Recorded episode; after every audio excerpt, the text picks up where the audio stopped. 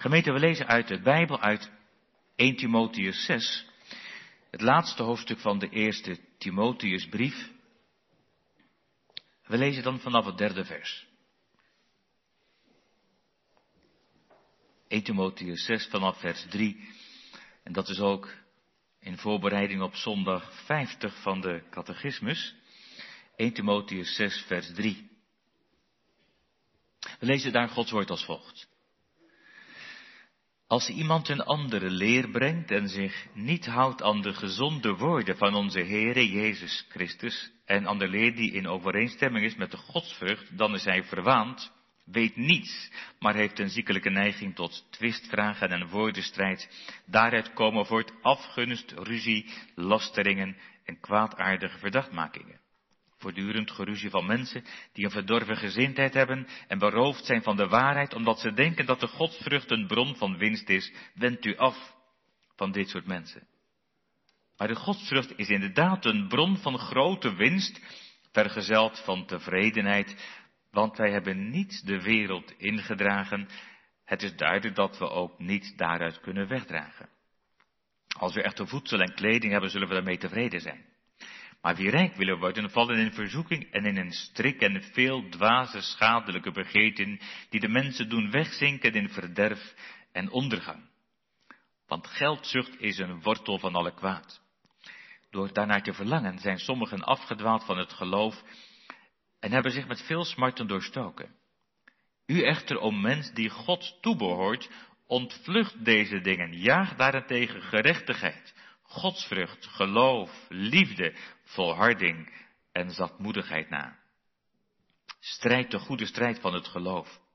Grijp naar het eeuwige leven, waartoe u ook geroepen bent en de goede beleidenis afgelegd voor vele getuigen. Ik beveel u voor God, die alle dingen levend maakt, en voor Christus Jezus, die onder Pontius Pilatus de goede beleidenis afgelegd heeft, dit gebod onbevlekt en onberispelijk in acht te nemen. Tot de verschijning van onze Heere Jezus Christus. De zalige en alleenmachtige Heere, de koning der koningen en Heere der heren zal die op zijn tijd laten zien. Hij die als enige onsterfelijkheid bezit en een ontoegankelijk licht bewoont. Hem heeft geen mens gezien en niemand kan hem ook zien. Hem zij de eer en eeuwige kracht. Amen. Beveel de rijken in deze tegenwoordige wereld dat ze niet hoogmoedig zijn en hun hoop niet gevestigd houden op de onzekerheid van de rijkdom, maar op de levende God, die ons alle dingen in rijke mate verschaft om ervan te genieten. Ook om goed te doen, rijk te zijn in goede werken, vrijgevig te zijn en bereid om samen te delen. Zo verzamelen zij voor zichzelf een schat, een goed fundament voor de toekomst, opdat zij het eeuwige leven verkrijgen. O Timotheus, bewaar het u toevertrouwde pand. Wend u af van onheilige, inhoudsloze praat en tegenstellingen van de ten onrechte zogenoemde kennis. Sommigen die deze kennis verkondigen, zijn van het geloof afgeweken. De genade zij met u. Amen. We lezen ook zondag 50 van de catechismus. Zondag 50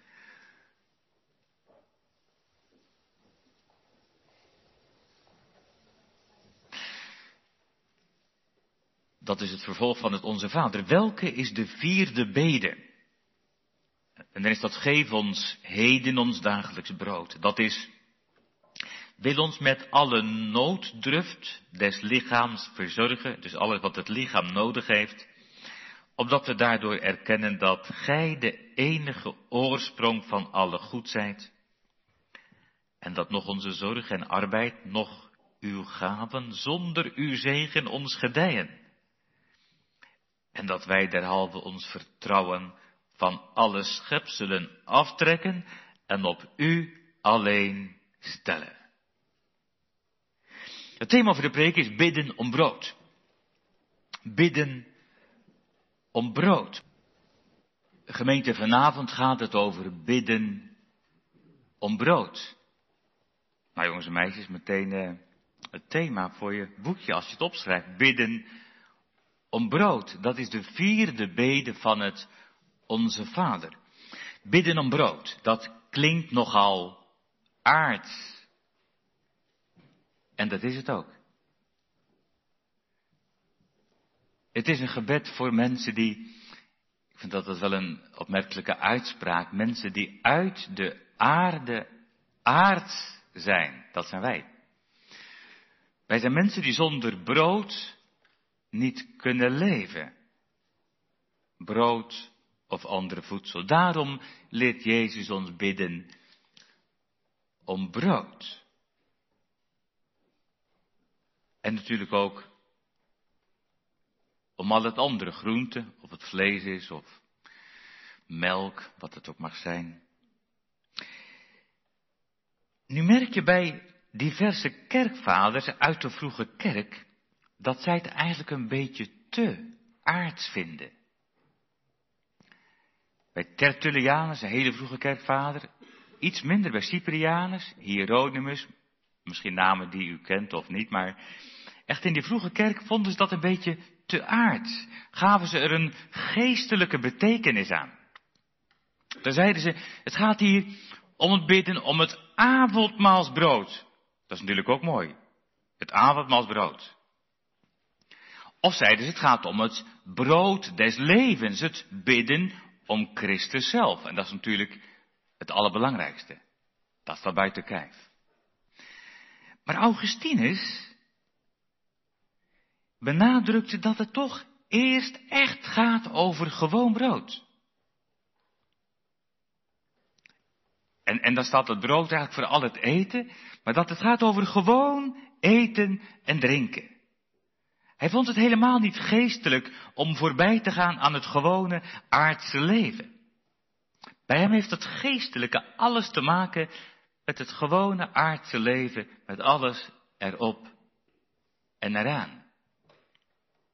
Het ware geloof wordt niet alleen zichtbaar in de verborgen omgang met de Here, al is dat wel iets van de kern van de zaak, maar het wordt ook zichtbaar in de manier waarop omgaan met ons brood en met ons geld, met onze bezittingen, ja met heel ons aardse leven. Dat heeft alles te maken met het geloof. En daarin hebben de reformatoren Augustinus gevolgd, ook in de catechismus. Je merkt dat meteen in de uitleg. Want het wordt hier direct betrokken op alle nooddruft van het lichaam. Alles wat ons lichaam nodig heeft. Wil ons in al die nooddruft van het lichaam verzorgen. En toch, dat bidden om brood, dat klinkt zo, zo kinderlijk. Het klinkt zo kinderlijk eenvoudig. Haast een beetje te. En je denkt, misschien zijn er geen belangrijke thema's voor de preek vanavond. En, en misschien staat iemand, zie je niet welke dreigende wolken zich samenpakken boven onze samenleving en boven de christelijke kerk? Zorgen, de ene zorgen over het klimaat, of de financiële zorgen wereldwijd, de coronacrisis, of, of over de geestelijke situatie. Zorgen, en die zijn er, over de vrijheid van het onderwijs, zorgen over de toenemende onverdraagzaamheid, wat betreft de christelijke principes. En ik wil eens denken, hoe lang duurt het nog voordat we met vervolging te maken krijgen? Wat staat ons nog te wachten?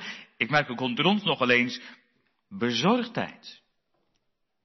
En in christelijk Nederland merk je nog eens angst, juist in deze coronatijd.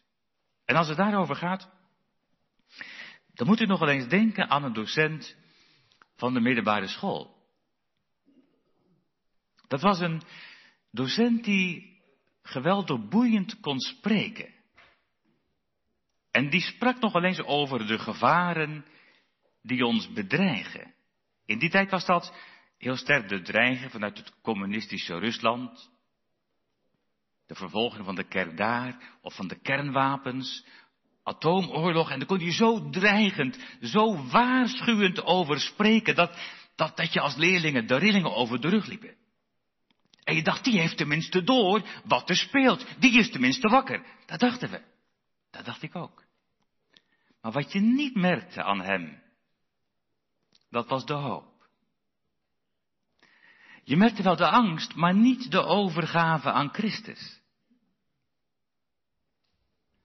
Hij sprak wel over de dreiging, maar niet over de Heere die regeert. Wat een verschil. Met de manier waarop de Heere Jezus ons vanavond gebedsonderwijs geeft. En dan, dan denk ik ook aan, aan dat moment dat hij het onze Vader aanleert aan zijn discipelen. Dat leert hij ze heel concreet. Hij bidt het ze voor. Dan weet hij wat hem te wachten staat. Dan weet hij welke donkere onweerswolken zich samenpakken boven zijn leven. Dan weet hij dat hij op weg is naar het kruis. Dan weet hij wat voor lijden hem wacht. Dan, dan weet hij ook hoe moeilijk zijn discipelen het zullen krijgen. Want in die vroege kerk was echt vervolging. Heel wat anders dan wij vandaag de dag meemaken. Dat was echt vervolging. Dat kon je je leven kosten.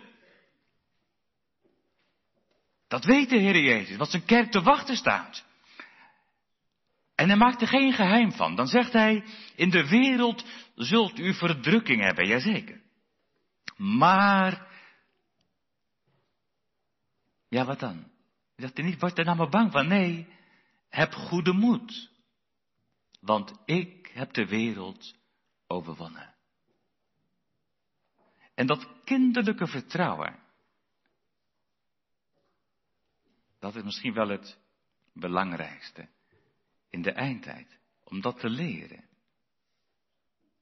Om daaruit te leren leven. In die overgave aan Christus. Het zij we leven, het zij we sterven. Ja, dat kan. Dat moment komt toch een keer. Wij zijn des Heren. Wij zijn van Christus, betekent dat eigenlijk. Dat je dat geheim leert kennen. En, en dat merk je ook wel in die aanspraak van het Onze Vader. Dat is echt een gebed in de eindtijd. Maar het begint met die woorden Onze Vader. Ons leven ligt niet in de hand van een dreigend noodlot, maar van Hem die in de hemel onze Vader is. Daar spreekt het geloof dat wel de angsten kent en de dreiging ziet, maar het legt in Zijn hand en schuilt bij Hem. En als je de Hemelse Vader nog niet kent, dan heb ik niks anders te zeggen vanavond dan dit. Rust niet voordat je bent verzoend met God. Rust niet voordat je Hem hebt leren kennen. En de Heere Jezus ook jou, uw zaligmaker, is geworden. Anders kun je de eindtijd niet aan maar met Hem wel. En juist in dat onze Vader het Christus ons verder zien dan alles wat ons bang kan maken. Onze Vader die in de hemelen zijt, uw naam worden geheiligd, uw koninkrijk komen, uw wil geschieden. En al die beden richten de aandacht op Hem. Want het gaat om Hem. En het gaat om Zijn naam. En het gaat om Zijn koninkrijk. Het gaat om Zijn wil. Zo leert de Heer Jezus het ook. Zoek eerst het koninkrijk van God. En wordt de rest dan vergeten? Nee. Dat vergeet de Heer echt niet. Hij zegt het zelf. En al deze dingen zullen u erbij gegeven worden. Onze hemelse Vader weet wat wij nodig hebben. Hij weet dat er brood op de plank moet komen. Hij weet dat we dat heel gewone aardse brood nodig hebben. Hij weet hoeveel zorgen we in de praktijk kunnen hebben over dat dagelijkse brood of over ons werk of en daarom leert Christus ons bidden. Geef ons heden ons dagelijks brood. Dat wil ook zeggen met al die zorgen om dat brood en alles erbij. Naar Hem. Ja, je zou kunnen zeggen, het gaat in dit gebed om afhankelijkheid. Met deze beden erkennen we dat we afhankelijk zijn van de gever. In de catechisme staat dan de enige oorsprong van alle goed. Dus daar komt het vandaan. Hij is de gever. En er staat iets bij. Er staat ook dat we erkennen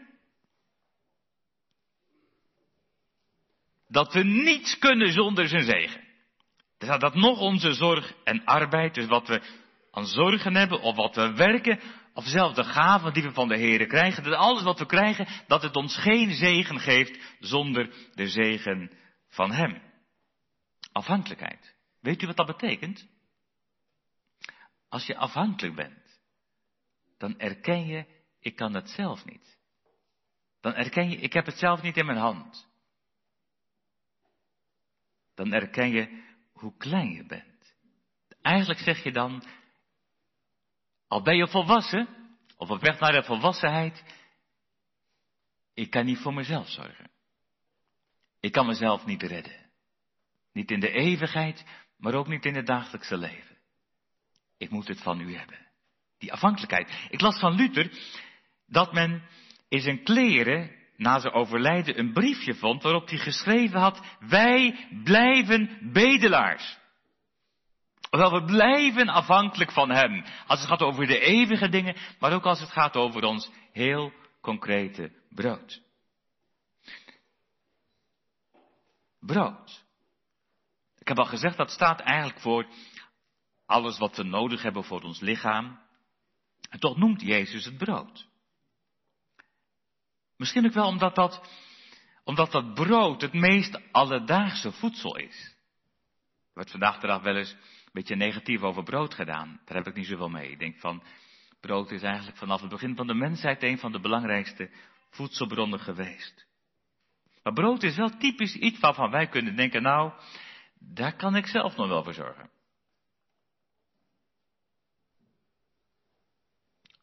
Ook jongelui thuis blijven en uh, de ouders zijn er niet, nou, dan kun je wel denken koken, dat is misschien lastig, maar brood, kan, daar kan ik zelf wel voor zorgen.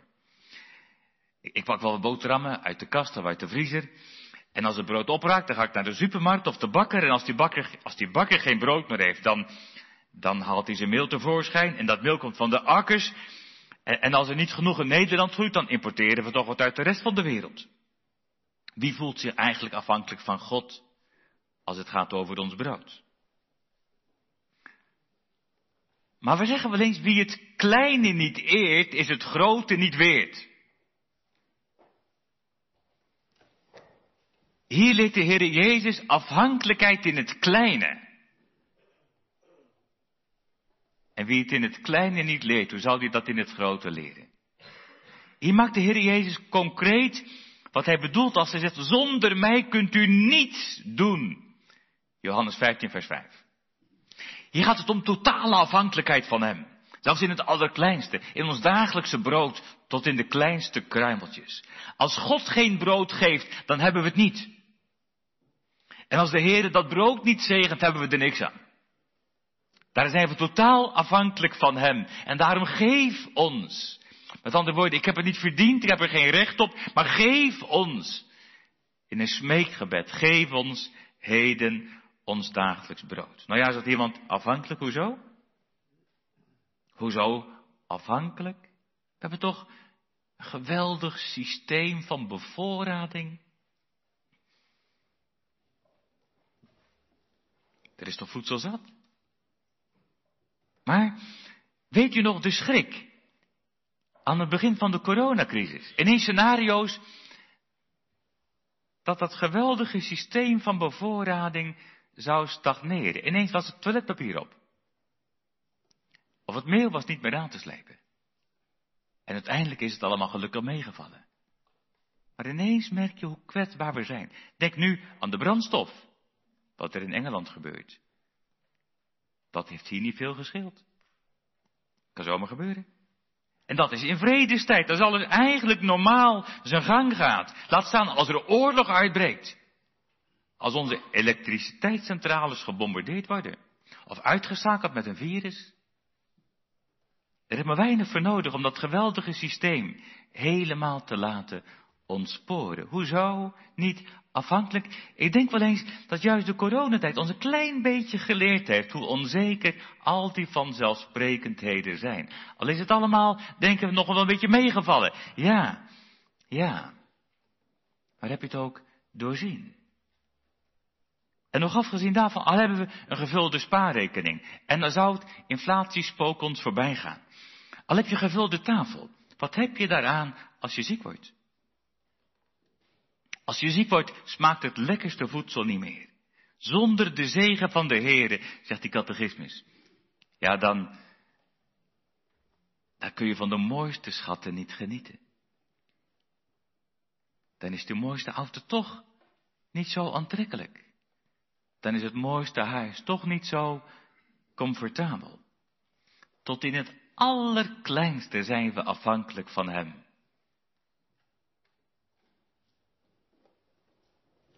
Ik denk nog wel eens in die psalm van de intredepreek. Als de Heere het huis niet bouwt.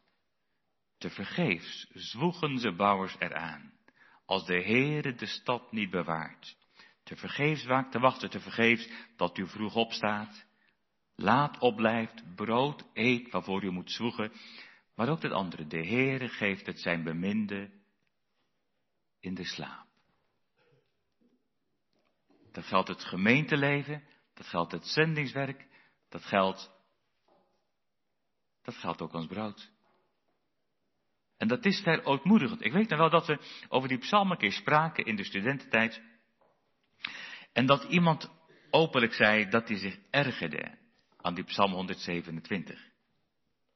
Min meer verontwaardigd zei hij, denk je nou echt dat je niks kunt zonder God? Dat zei hij. Maar hoe vaak denken wij het niet? Het zit in het hart van ons allemaal, dat hoogmoedige. Denk je nou echt dat je niks kunt zonder God? Maar in deze vierde bede wordt die hoogmoed gekruisigd. Zelfs het kleinste kruimeltje brood, daarin heb ik hem nodig. Dat is, dat is verootmoedigend. Maar wie het geheim kent, weet ook hoe bemoedigend het is. Want, want wat laat de Heer Jezus nou merken, als we hier aan mogen bidden? Hij laat hier merken dat we het mogen vragen, maar daarmee zegt hij ook dat hij voor het allerkleinste wil zorgen. Dat hij voor het brood wil zorgen. Dat we voor de kleinste kruimels bij hem terecht kunnen. Wat is de Heere goed? Ja toch?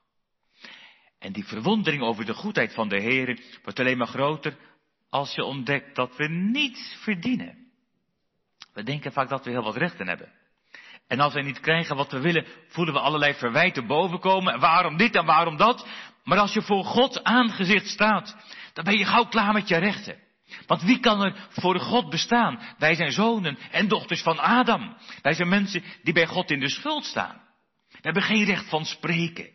En de Heilige Geest slaat die vermeende rechten ons uit handen. Als Hij ons brood zou weigeren. Als Hij die gebeden zou afwijzen. Dan moeten we nog erkennen, daar heb ik het naar gemaakt. En des te groter die verwondering. Net als in, in die woorden in klaagliederen 3 van Jeremia. Dan, dan, zegt de profeet het, het is de goedertierenheid van de Heere dat wij niet omgekomen zijn. En dat zijn barmhartigheid niet is opgehouden. Daar hoor je die profeet beleiden, wat wij verdienen. Dat is dat wij te gronden gaan. Maar je hoort hem ook beleiden. Wie de Heere is. U hoort hem roemen in zijn onverdiende goedheid en barmhartigheid. En die onverdiende goedheid schittert het meest tegen de donkerste achtergrond. Dan denk ik aan Golgotha. Op het eerste gezicht zie je daar op Golgotha alleen maar inktzwarte duisternis. Maar in die duisternis schittert het licht van Gods genade. Daar gebeurt het. Op die heuvel daar ginds. Aan dat ruwe houten kruis. Daar krijgt hij wat wij verdienen. En de Heilige Geest maakt het ook persoonlijk, wat ik verdien. De hel, de Godverlatenheid. En daar verwerft hij wat we niet verdienen. Verzoening, het leven tot in eeuwigheid. Daar wordt alles volbracht. En alleen daarom, omdat hij het kruis heeft gestaan, omdat Jezus aan dat kruis gehangen heeft als de Christus. Alleen daarom is zijn barmhartigheid nog niet opgehouden. En alleen daarom laat hij de zon opgaan en ondergaan. En de Bijbel zegt over goeden en kwaden. En daarom geeft hij regen en zonneschijn. En daar, daar mogen alle mensen van genieten. Gelovigen en ongelovigen. En daarom geeft hij brood aan mensen die daarom bidden en aan mensen die er niet om bidden. Geeft hij voedsel aan mensen die de Heere danken als die oorsprong van alle goed, maar ook aan mensen die hem nog nooit de dank hebben gebracht. Want hij heeft geduld met deze wereld. We noemen dat de algemene genade. Geduld met deze wereld. Waarom? Nou, dan gaat het over de bijzondere genade. Omdat hij niet wil dat wij verloren gaan. Dat zegt hij zelf. Dat vind je in zijn woord. Hij wil dat allen tot bekering komen. Terug naar hem. Daarom geeft hij brood. Omdat hij wil dat allen tot bekering komen. Want dat laatste, waar ik eigenlijk mee begon bij die kerkvaders, dat is natuurlijk wel van cruciaal belang. Want wij kunnen niet leven van brood alleen. Als we vanavond alleen maar brood zouden krijgen, ja, dan zou je kunnen zeggen, dat heb ik al gehad. Ik kom in de kerk voor iets anders. En terecht. Gaat het in de kerk ook over ons brood? Maar dan krijgen we elke dag brood. Er komt een dag dat wij te ziek of te zwak zijn om brood te eten. Er komt een dag dat wij allemaal moeten sterven. En dan zegt Jezus, de mens zal van brood alleen niet leven, maar bij alle woord dat door de mond van God uitgaat. U kent wel die gelijkenis. Van de rijke dwaas. Weet u nog? Lucas 12. Die man die was rijk. Die man die had geld, onroerend goed, schuren, eten en drinken. Die kon kopen wat hij wilde, eten wat hij wilde. En de opbrengsten van de akkers waren zo goed dat hij nog meer schuren bouwde, nog meer investeerde. Die man had een zakelijke geest. Hij wist van aanpakken, we zouden zeggen handen van goud. Hij stond bekend als slim en bij de tijd. Hij durfde te investeren en was succesvol. Hij maakte plannen om nog grotere schuren te bouwen. Dat hij nog rijker zou worden. Hij werd geroemd om zijn vooruitziende blik. Maar wat vindt God er eigenlijk van?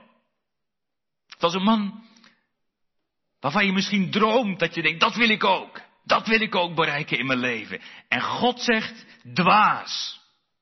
Zo staat het letterlijk in de Bijbel. God zei tegen hem, dwaas.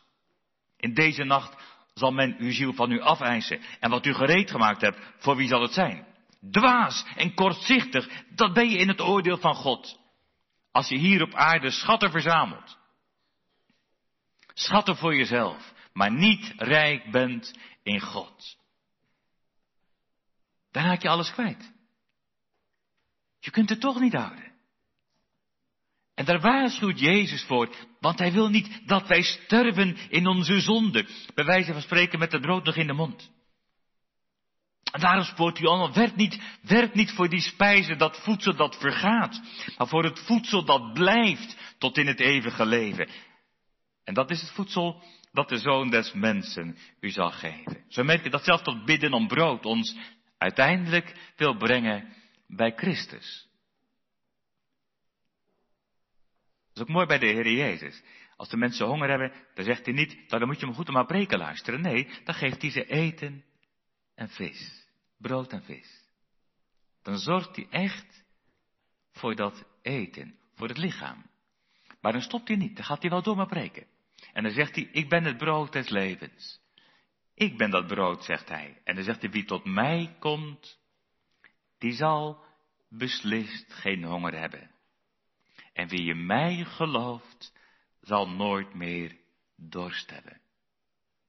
Bidden om brood wil toch brengen bij de gever. Want hij is niet alleen de gever van het aardse brood, maar ook van het hemelse brood. Hij geeft zichzelf. En dan toch ook die lijn naar het avondmaal. Dat doet hij in het heilige avondmaal. Hij geeft zichzelf in het gebroken brood. Hij geeft zichzelf in zijn woord. Hij geeft zichzelf als die rijke Christus voor een arme zondaar. Ik vind het wel mooi wat er van het geloof hier staat. Want wat is het geloof anders dan wat hier staat? Dat we ons vertrouwen van alle schepselen aftrekken. En op u alleen stellen. Dat begint bij het brood. Maar het gaat ook over het allerhoogst en even goed. Dat is Psalm 146. Vest op prinsen geen betrouwen. Maar zaligheid die in dit leven Jacobs God ter hulpe heeft. Laten we nog even terugkeren naar het bidden om brood. Dat wordt hier in de catechismus uitgelegd als de erkenning dat Hij de enige gever, de enige oorsprong van alle goed is. Hoe kun je dat nou doen? Hem erkennen. Wat is dat nou, hem erkennen? Dan kun je natuurlijk zeggen, het is gewoon zo, hij, hij geeft het ons. Maar dat erkennen krijgt ook een vertaling. Hoe erken je dat nou? Nou, heel eenvoudig. Dat kan iedereen begrijpen. Hoe erken je dat nou? In het gebed. Dat erken je door hem te vragen om een zegen. Dat erken je door hem te danken.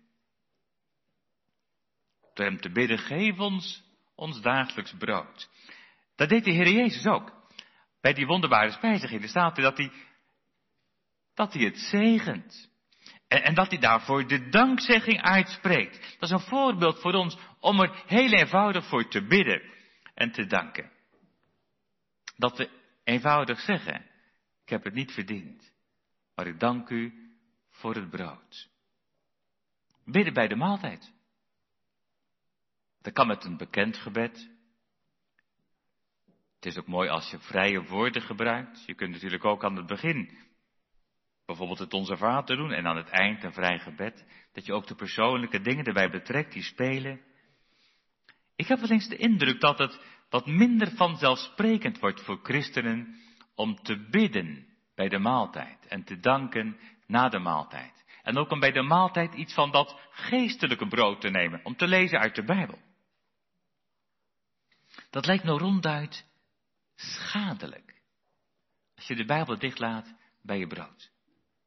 Of als je de Heer niet meer bidt en dankt. Ook, ook in het openbaar. Ik weet best dat het soms heel lastig is in de kantine.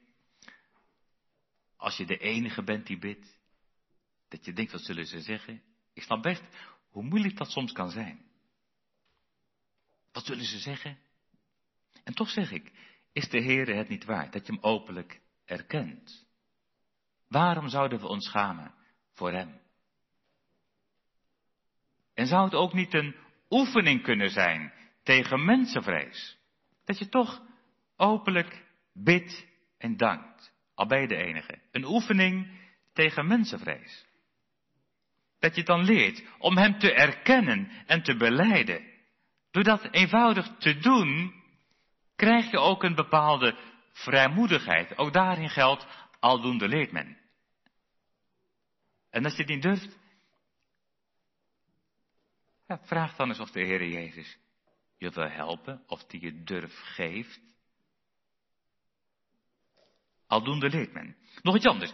De Heer Jezus leert ons niet bidden, geef mij mijn dagelijkse brood. Nee, geef ons heden ons dagelijkse brood. Er ligt iets heel moois in. Je bidt niet alleen voor jezelf, maar ook voor een ander, voor de mensen om je heen. Je bidt een werkgever voor zijn werknemer. En een werknemer voor zijn werkgever. Hier bidt een Nederlander ook voor een asielzoeker.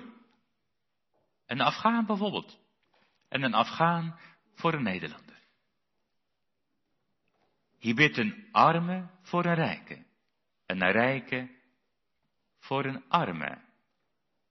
Ik las bij dominee Boeren kernachtige uitspraak die zei, hier ligt in beginsel de oplossing voor het broodvraagstuk, het sociale probleem. Want als je bidt voor een ander die honger heeft, hoe kun je dan onbewogen blijven? En als je de Heere vraagt om brood, en als je, als je bidt, geef ons heden ons dagelijks brood, hoe kun je dan alles voor jezelf houden? Dat gebed maakt gunnend, het maakt royaal in het delen van onze overvloed. Geef ons heden, niet alleen mij, maar ook die ander. Nog iets, dat dagelijkse.